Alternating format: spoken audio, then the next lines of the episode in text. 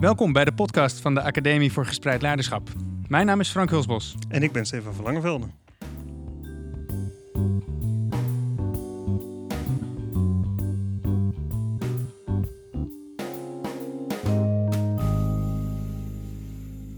Stefan, hoe uh, kijk je terug op ons gesprek met Jort, Suzanne uh, en Ineke van de Maria School? Uh, waar we onlangs een podcastaflevering mee hebben gemaakt die we hebben gedeeld. Ja, was een, was een heel interessant gesprek. Het was heel boeiend om een inkijkje te krijgen in een school waar geen directeur werkt.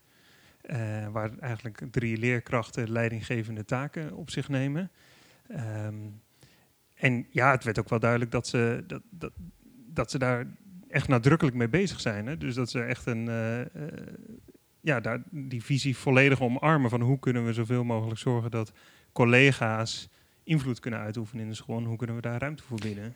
Ja, inderdaad. En uh, ik vond ook wel, als ik erop terugkijk, dat het voor hun bijna voelt als een, of lijkt te voelen als een soort van hogere opdracht die ze ja. te alle tijden moeten vervullen. Hè? Dus ze zijn daar heel, ja, op een, op een soort, nou ja, op een, op, een, op een hoog niveau mee bezig. Zo van dit is zo relevant en dit is zo wezenlijk dat we dit vanuit deze principes vormgeven, dat er ook een zekere uh, verplichting bijna aan lijkt verbonden te zijn. Hè? Zo van het, het, het kan ook eigenlijk niet anders dan hoe wij het met elkaar doen. Ja, en dat, het, dat ze dus heel goed nadenken over alle facetten van de school. Van hoe kunnen we alles wat wij doen in lijn brengen van die visie. Dus eigenlijk ook alles ter discussie stellen. Ja. Ja, terwijl tegelijkertijd, wat ze dan weer niet ter discussie stellen, is dat drietal.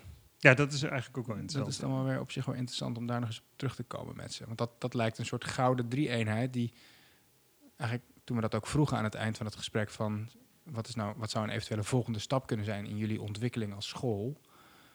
Uh, toen bleef het eigenlijk een beetje stil. En, en, en toen was het ook wel duidelijk dat zeker die drie-eenheid van drie leraren die een beetje de schoolbrede of overkoepelende taken op zich nemen en de visie in de gaten houden, dat dat, dat wel een, een onderdeel is van de school die zo zou moeten blijven. Ja. Uh, we hebben deze tussenaflevering eigenlijk een beetje uh, in het leven geroepen, omdat we best wel wat reacties hebben gekregen naar aanleiding van het gesprek met Jort Ineke en Suzanne. Um, reacties op hun verhaal uh, en vragen die hun verhaal ook oproept, die wij graag in een uh, podcastreeks, dus meerdere afleveringen die we nog gaan wijden aan de Maria School, zouden willen oppakken. En deze tussenaflevering, dus dit korte gesprek tussen jou en mij, is er eigenlijk op gericht om die post die we hebben gekregen even door te nemen. Ja, en de eerste ideeën die wij hebben om uh, de vragen die in die post naar voren komen te behandelen in het vervolg.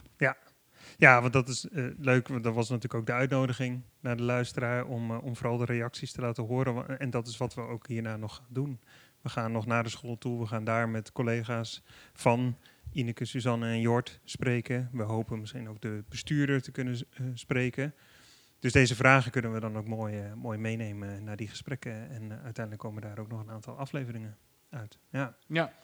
Zullen, zullen we de post ja, erbij pakken? Ja, lijkt me, uh, lijkt me we, mooi. We, we, hebben een hele mooie uitgebreide reactie gekregen van Jozef Kessels. Jozef is uh, ja, voor ons beiden denk ik wel een belangrijke figuur, een belangrijke collega.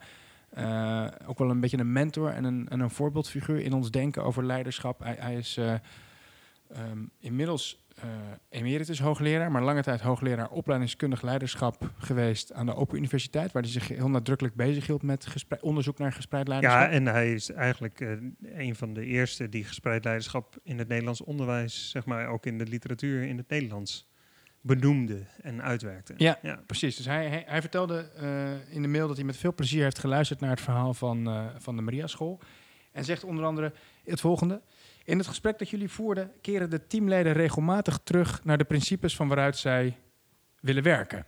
Deze principes lijken een soort externe referentiebron te zijn die ze gebruiken om oplossingen te vinden voor lastige situaties. Het is een werkwijze die ze consequent toepassen om maar weg te blijven van het doorhakken van knopen op basis van een hiërarchisch hoger geplaatste positie. Deze principes, uitgangspunten, gedeelde waarden en opvattingen vormen kennelijk ook het soort contract wat het gehele team bindt en bij elkaar houdt. Als dat contract sterk is, heb je ook minder behoefte aan een transactioneel contract, waarin je rechten en plichten op een juridische manier vastlegt en waarover je een hogere baas laat beslissen, zodra er moeilijkheden optreden.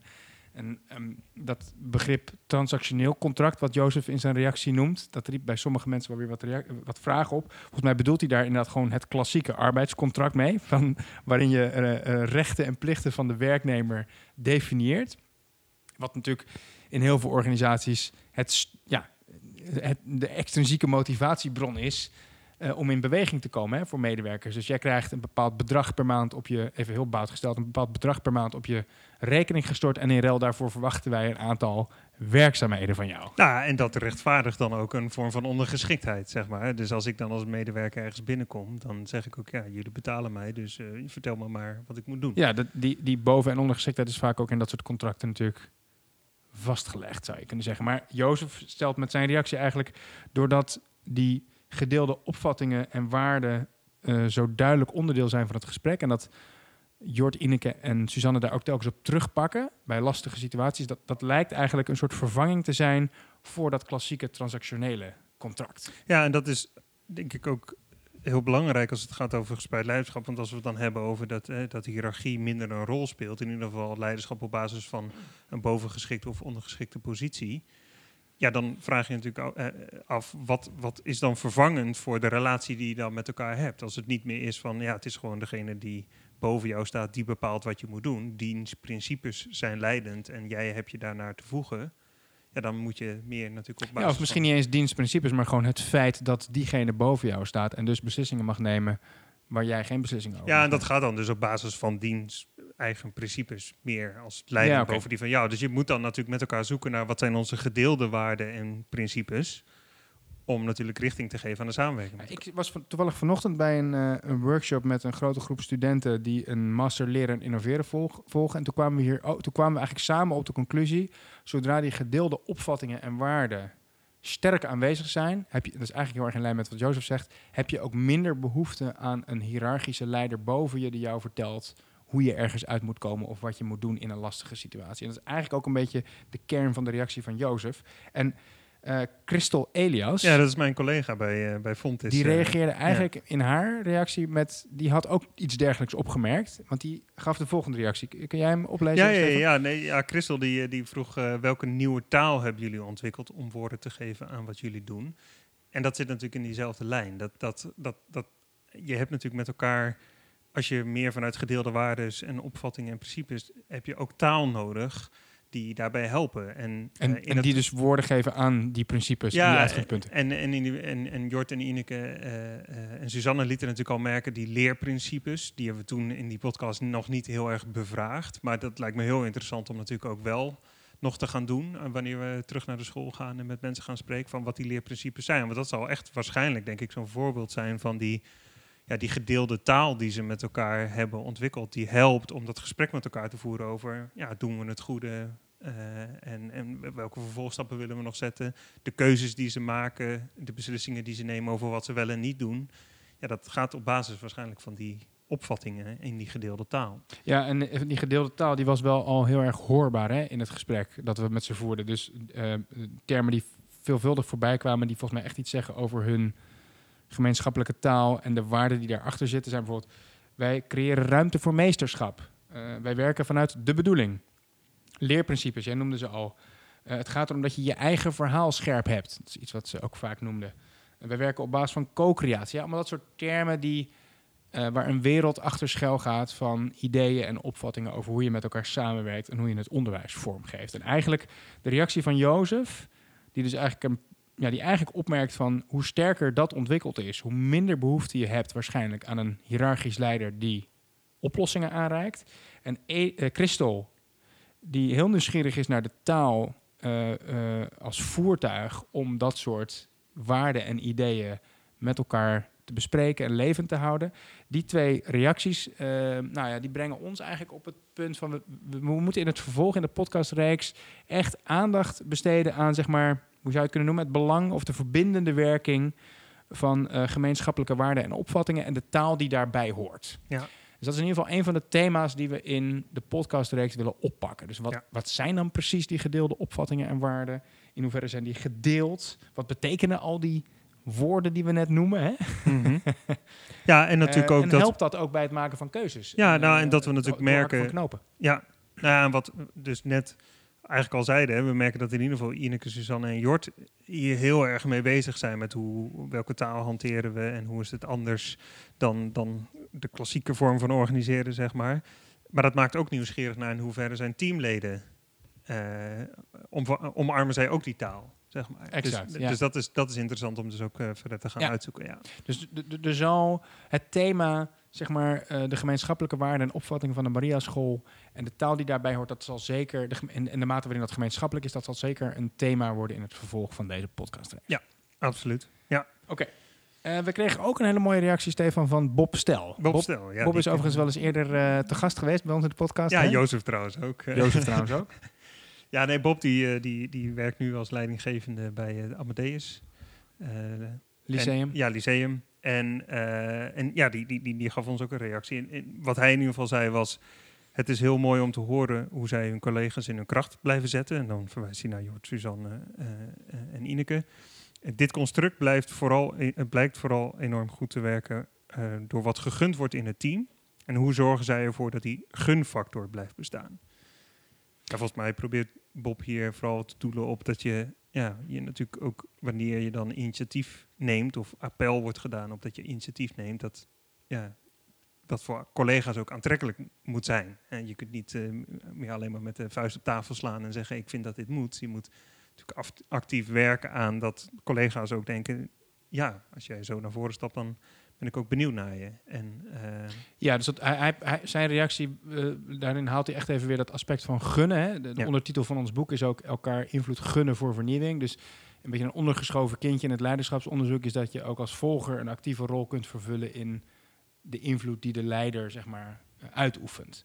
Hè, dus dat gun-aspect, dat haalt hij met zijn reactie weer even heel duidelijk naar voren. Overigens, jij had het net, toen wij deze podcast voorbespraken, even over, heel kort over een, eh, recente publicatie van Rutger Bregman, waarin die eh, onderzoekt.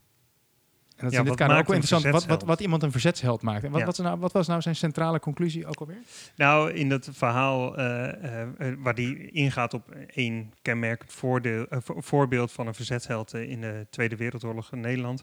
En eigenlijk sinds die, de Tweede Wereldoorlog is er ook heel veel onderzoek op gang gekomen, psychologisch, over wat maakt het nou dat iemand in zo'n hele duidelijke crisissituatie eh, duidelijk iets gaat doen wat, ja, wat, wat ten goede is. Maar wat, wat ondanks dat, eh, dat de situatie complex en moeilijk is, acties onderneemt om in dit geval dan bijvoorbeeld eh, Joden te helpen en te helpen met onderduiken. Maar dat is eh, eigenlijk naar veel meer situaties trekken. dan van wat maakt nou dat iemand initiatief neemt of een stap naar voren zet? Zo zou je het ook kunnen zien. En eh, wat hij concludeert in dat stuk is dat een hele belangrijke factor eigenlijk is dat iemand gevraagd moet worden.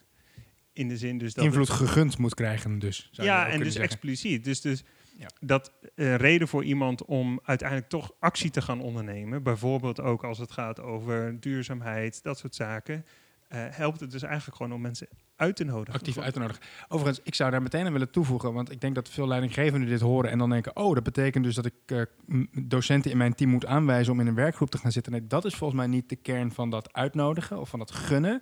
Het gaat er veel meer om dat je eh, het actief uitnodigen en gunnen van invloed ziet als iets wat we, als, als bijna een soort bekwaamheid die alle teamleden zouden moeten ontwikkelen en zouden in de praktijk zouden moeten brengen. Dus dat je eigenlijk constant ook eh, actief collega's uitnodigt en enthousiast, probeert te enthousiasmeren om op bepaalde thema's initiatief te nemen. Ja, en dat maakt dus interessante vraag inderdaad. Van, eh, eh, kun je voor een gespreide leiderschapspraktijk misschien zeggen dat er ja, dat vraagt om een soort vaardigheden Ja. van, om dat met elkaar te zijn. Een soort, ja, jij noemde het net bekwaamheden. Ja, klassiek gezien zeggen we in een soort hiërarchisch leiderschap, dan gaat het bijvoorbeeld over vaardigheden als eh, besluitvaardig zijn of eh, inspirerend zijn.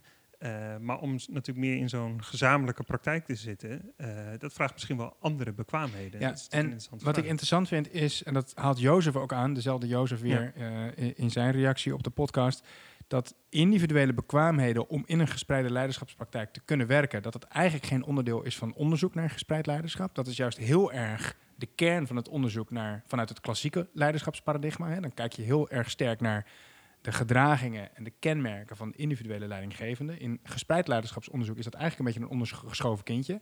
Maar dit soort ehm, observaties en het uh, aspect van gunnen, wat Bob noemt, wijzen erop dat je ook in zo'n gespreide leiderschapspraktijk als individu over bepaalde bekwaamheden moet beschikken. Bijvoorbeeld de bekwaamheid om een collega invloed te gunnen. Ja, en, en uh, Jozef die noemt dat ook in zijn reactie. Het is ook uh, bijvoorbeeld het betreft het zelf initiatief nemen als er iets nodig is om te veranderen. Als er ruis ontstaat, als er een probleem zich voordoet. Of als je het ergens niet mee eens bent. Dat zijn natuurlijk allerlei situaties waarin er echt een beroep wordt gedaan op, op, ja, de vaardigheden van de mensen in de groep om, om daarmee om te gaan.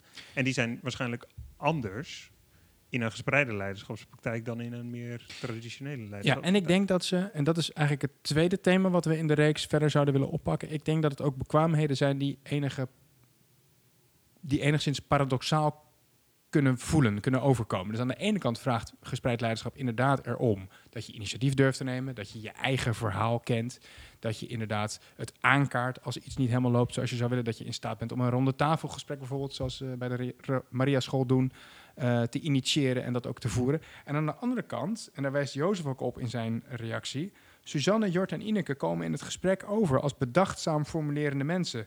Die elkaar niet dwars zitten of de loef willen afsteken. Die niet per se op de voorgrond willen staan. En dat zijn dan eigenlijk weer de bekwaamheden in de hoek van bescheidenheid. Goed kunnen luisteren. Niet de ander weet je wel, willen vertellen hoe het zit of de baas willen spelen over de ander. Dus veel meer de bescheiden, introverte gedragingen zou je kunnen zeggen, die ook nodig zijn. Dus ja, en die we natuurlijk vaak helemaal niet heel erg in het uh, lijstje van leiderschapskwaliteiten nee. scharen. Bescheidenheid is ja, dat is heel vaak helemaal niet iets wat als je mensen vraagt van goh, wat maakt nou een goede leider? Dan, dan is het heel vaak juist meer iets wat een beetje ten, tegen, daar tegenover staat, tegenover bescheidenheid. Dan is het eigenlijk juist iemand die uh, heel erg uh, een duidelijke visie heeft en die uh, overtuigd zich van zichzelf enzovoort. Ja, dus we, we, wat we hier in deze podcast als tweede thema zouden willen onderzoeken is... Um, wat zijn nou precies die, zou je kunnen zeggen, verschillende, wellicht paradoxale bekwaamheden die je in die gespreide leiderschapspraktijk nodig hebt. Zowel die extraverte bekwaamheden van initiatief kunnen nemen als de meer introverte bekwaamheden, zoals bescheidenheid kunnen tonen, goed kunnen luisteren en de ander niet de loef proberen af te steken. Uh, hoe leer je die bekwaamheden? En hoe kunnen we nieuwkomers helpen om die bekwaamheden die nodig zijn zich eigen te maken. Want we hebben ook wel gemerkt in het gesprek met Jort, Ineke en Suzanne dat nieuwkomers het soms lastig kunnen hebben binnen de Maria School. Dus hoe zorg je ervoor dat zij in een context komen waarin ze die bekwaamheden ook kunnen leren?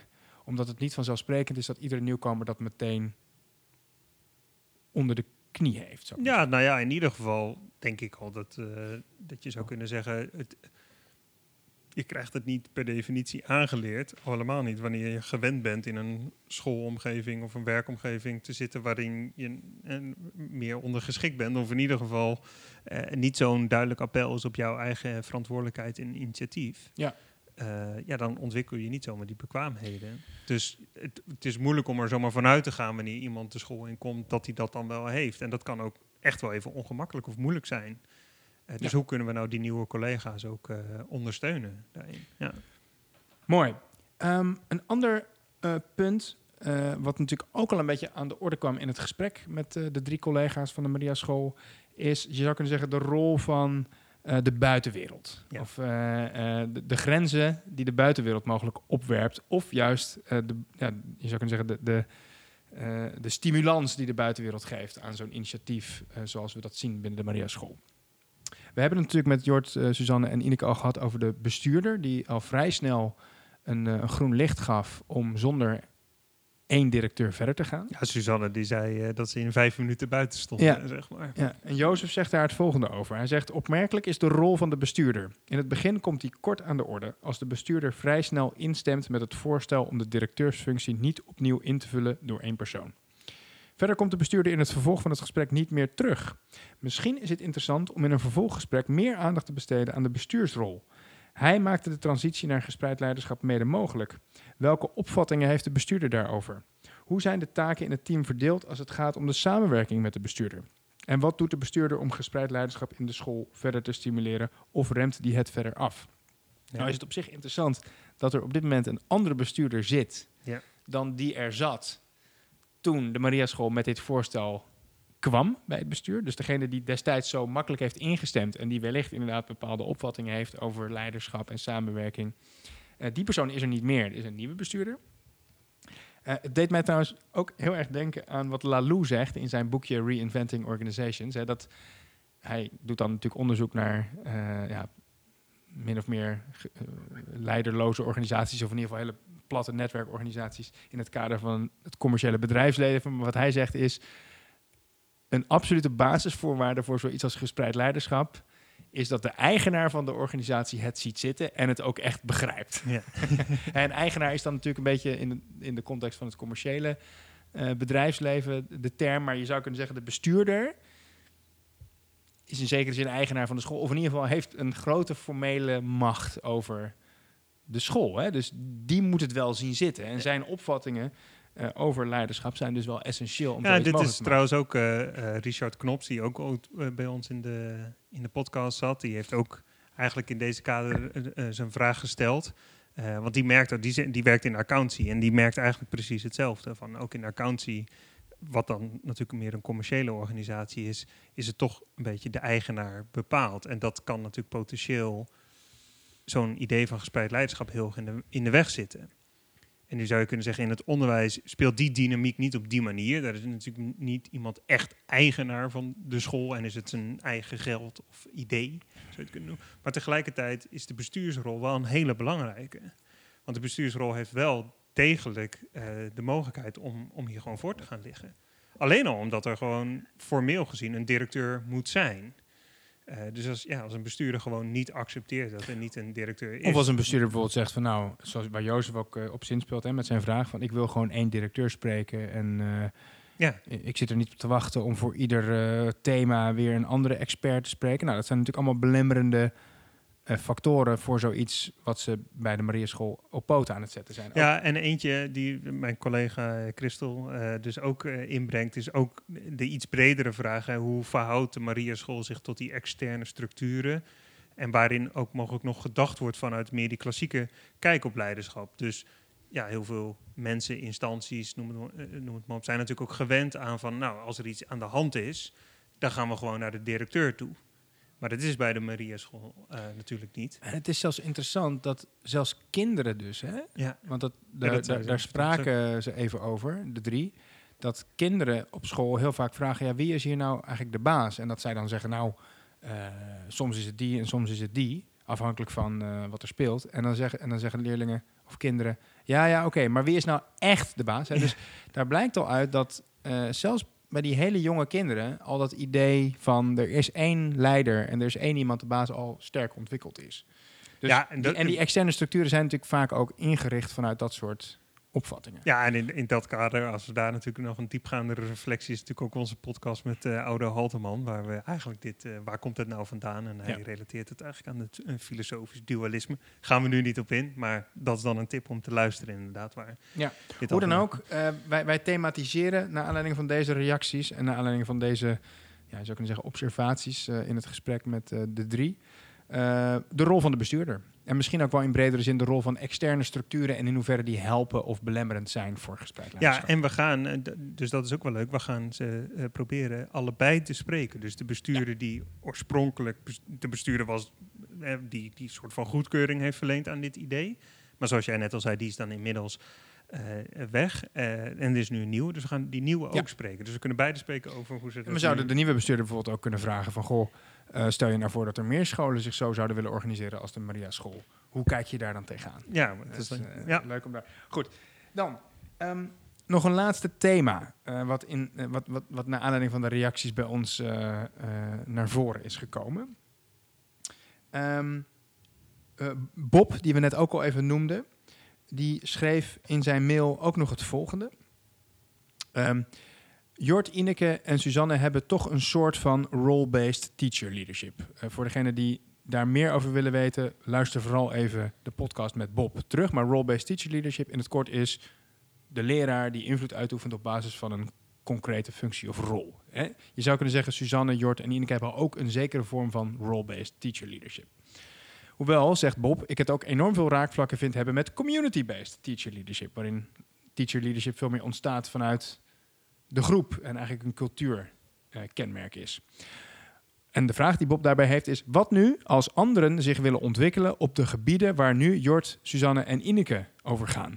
In hoeverre staan ook die rollen ter discussie? Of wordt datgene wat Jort, Suzanne en Ineke hierin leren en ontwikkelen ook gedeeld met anderen? Dus eigenlijk vraagt hij zich af: in hoeverre is die rolopvatting, of de, rol die hoort bij die drie, nou eigenlijk vastgelegd bij hun? Of ligt dat inderdaad ook open voor andere eh, teamleden binnen de school? Ja, en is dus ook ja, is er ook een soort gelegenheid voor de collega's om de, de, de, de bekwaamheden die je daarvoor nodig hebt om die rol te kunnen vervullen, te ontwikkelen. Want als dat niet zo is, dan zou je kunnen zeggen, ja, dan, dan verwordt, is in ieder geval een risico. Ja. Ja, dat eigenlijk dat driemanschap gewoon, ja, even zo gezegd, het MT is, waar eh, eh, geen anderen toe kunnen treden. En ik zou je echt wel een paar kritische vragen nog over willen stellen. Want eh, bij de slot van eh, het gesprek, we hadden het daar net ook al even over bij de start van, eh, van dit gesprek, gaven zij eigenlijk aan van, nou, dit is wel een beetje de, de, de, de Maria School in optima forma. Bijvoorbeeld dat drietal, dat is, dat is echt wel een heilige drie-eenheid en daar gaan we niet zoveel aan veranderen. Dus daar zit ook een zekere vastigheid in. Dat is ook in zekere zin statisch. Maar belemmert dat inderdaad, en dat is Ja. volgens mij ook een beetje waar Bob op doet, belemmert dat dan mogelijk de ruimte van anderen om op dat soort thema's ook regie te voeren, invloed uit te oefenen of initiatief Ja, dus het maakt het in ieder geval interessant inderdaad om ook het gesprek te voeren over... Nou, enerzijds willen we natuurlijk onderzoeken, hè, wat maakt dit een mooi voorbeeld? Of wat, is wat zijn er aan lessen te trekken van, vanuit de Mariaschool enerzijds? Hè? Wat is de waarde van deze manier van werken? En anderzijds, ja, natuurlijk ook wel, wel- welke kritische vragen, welke, welke dark sides zou je kunnen zeggen, welke valkuilen zitten er in deze manier van werken? Ja, die, die, die ook zichtbaar worden in de Mariaschool. Eh eentje die, eh, die eh, Manon van der Linden, zij... zij werkt bij de, de schoolwerkplaats, een, een, net nieuw gestarte basisschool. Die stelt ook een vraag. En dat ging ook onder andere hierover. Dus zij vertelde onder andere hoe werkt dat met het functioneren van het team en de teamleden. Wie kijkt daarnaar en gaat gesprek aan als iemand niet voldoende functioneert. Ja, ook hier, ja, er is natuurlijk wel een, als je zegt iedereen is gelijk. En eh, het eh, eh, initiatief nemen is iets heel erg belangrijks. Je kwetsbaar opstellen is iets heel erg belangrijks. Ja, wat nou als dat moeilijk gaat? Hè? Als het moeilijk gaat in het ontwikkelen van die bekwaamheden voor die gespreide leiderschapspraktijk. Ja, hoe, hoe, hoe ga je daar dan mee om met elkaar? En Dat is natuurlijk ook wel, dat kan natuurlijk ook lastig zijn. Dus ik denk dat deze vraag daar ook heel mooi bij past. Ja, ik vermoed dat dat wel dat dat een, een, een plek zou moeten krijgen in de ronde tafelgesprekken. Ja. Ik, ik, ehm, ik ben alleen benieuwd, en dat zou je inderdaad kunnen onderzoeken als een valkuil, eh, in hoeverre dat drietal nou eigenlijk onbedoeld toch een soort van belemmering vormt voor de verantwoordelijkheid die de andere teamleden kunnen nemen op allerlei onderwerpen. In hoeverre wordt zo'n drie-eenheid niet eigenlijk, als je niet oppast, toch een nieuwe vorm van positioneel leiderschap, ondanks dat je heel erg je best doet om het juist te zien als een voorwaarde voor gespreid leiderschap. Ja, absoluut. Ook omdat ze natuurlijk een van de rolopvattingen is, we zijn de bewakers van de visie. Dan maak je jezelf ook wel belangrijk. Ja, zeggen. in, in ieder geval heb je natuurlijk het risico daarmee dat, je, dat, dat, dat jij de, de, de hoeder bent van de visie en onder het mom van het bewaken van de visie allerlei eh, keuzes maakt die, ja, die, die, eh, de- waar, waar anderen zich naar te voegen hebben. Ja, hoe dan ook, het wel of eh, niet ingaan op een initiatief, zeg maar. In ieder geval, hoe dan ook, al, al deze observaties en vragen Ja. eh, maken het in ieder geval belangrijk voor ons, de- denken we in het vervolg, om een, eh, een, een, een, een, een, een, thema te maken van de waarde van deze manier van werken. Dus wat levert het nou eigenlijk op om zo te werken? En aan de andere kant ook, wat zijn de valkuilen van deze manier van werken? Dus wat Ja. zijn de beperkingen of de tekortkomingen? Of wat mis je eigenlijk door zo'n drietal eh, eh, centraal te stellen in het team? Eh, en en wat zou, waar zou je mogelijk nog meer ruimte voor kunnen creëren als je een andere vorm zou kiezen? Dat is eigenlijk het vierde thema wat we naar aanleiding van de reacties eh, zouden willen opwerpen. Dus nog even samenvattend. Ja, ja aanleiding van de reacties. En nogmaals, luisteraars, heel erg veel dank daarvoor. Het is ontzettend interessant. Nou, voor en, ons. en eh, ook maar, eh, het staat nog steeds open. Ik bedoel, eh, we gaan nu naar de school toe om onder andere deze vraag te gaan stellen. Maar al, je kunt ons altijd mailen, contact.gespreidleiderschap.nl, als je nog aanvullende vragen hebt. En dat vinden we alleen maar mooi en leuk om, om die ook nog mee te kunnen doen. Ja, dus nog even samenvattend. We gaan in de podcastreeks in ieder geval in op de waarde en de verbindende werking van gemeenschappelijke waarden en opvattingen. En de taal die daarbij hoort. We gaan kijken naar hoe je de paradoxale bekwaamheden kunt ontwikkelen om binnen een gespreide leiderschapspraktijk te kunnen functioneren, te kunnen deelnemen. Ja. We gaan kijken naar de rol van de bestuurder, of misschien ook wel in bredere zin naar externe structuren rondom de school die al dan niet bevorderlijk zijn voor gespreid leiderschap binnen de Maria School. En we gaan kijken naar de waarden en de valkuilen van het werken op deze manier. Ja, en dat gaan we in ieder geval doen door, eh, door met de teamleden daar te spreken. de gesprekken mee te voeren, deze vragen voor te leggen. En eh, nou ja, daar monden dan nieuwe podcast-afleveringen uit. En Inderdaad. ik kijk ernaar uit, ik vind het echt super interessant. Ja, ik ook. Wordt vervolgd. Ehm, eh, dit was een gekke tussenaflevering van de podcast van de Academie voor Hebben we nog nooit eerder zo gemaakt, maar wel leuk. Ja. Ehm, mocht je de aflevering leuk vinden, eh, laat dan een rating of review achter in je favoriete podcast-app. Mocht je een vraag hebben of feedback willen geven over de podcast, mail ons dan op contact.gespreidleiderschap.nl. En als je meer wilt lezen over gespreid leiderschap en over ons werk, kijk dan eens op www.gespreidleiderschap.nl. Tot de volgende keer. Dag.